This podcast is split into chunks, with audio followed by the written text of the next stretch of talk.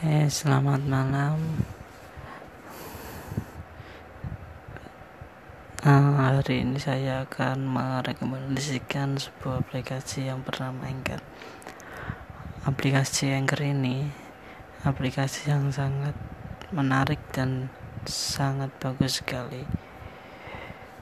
Uh, aplikasi Anchor ini mempunyai fitur yaitu membuat podcast.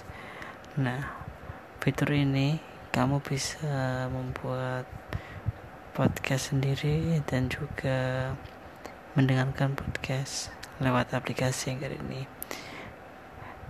Nah, spesialnya bagi teman-teman, saya rekomendasikan untuk mendownload sebuah aplikasi ini ya, karena aplikasi ini sangat bagus sekali.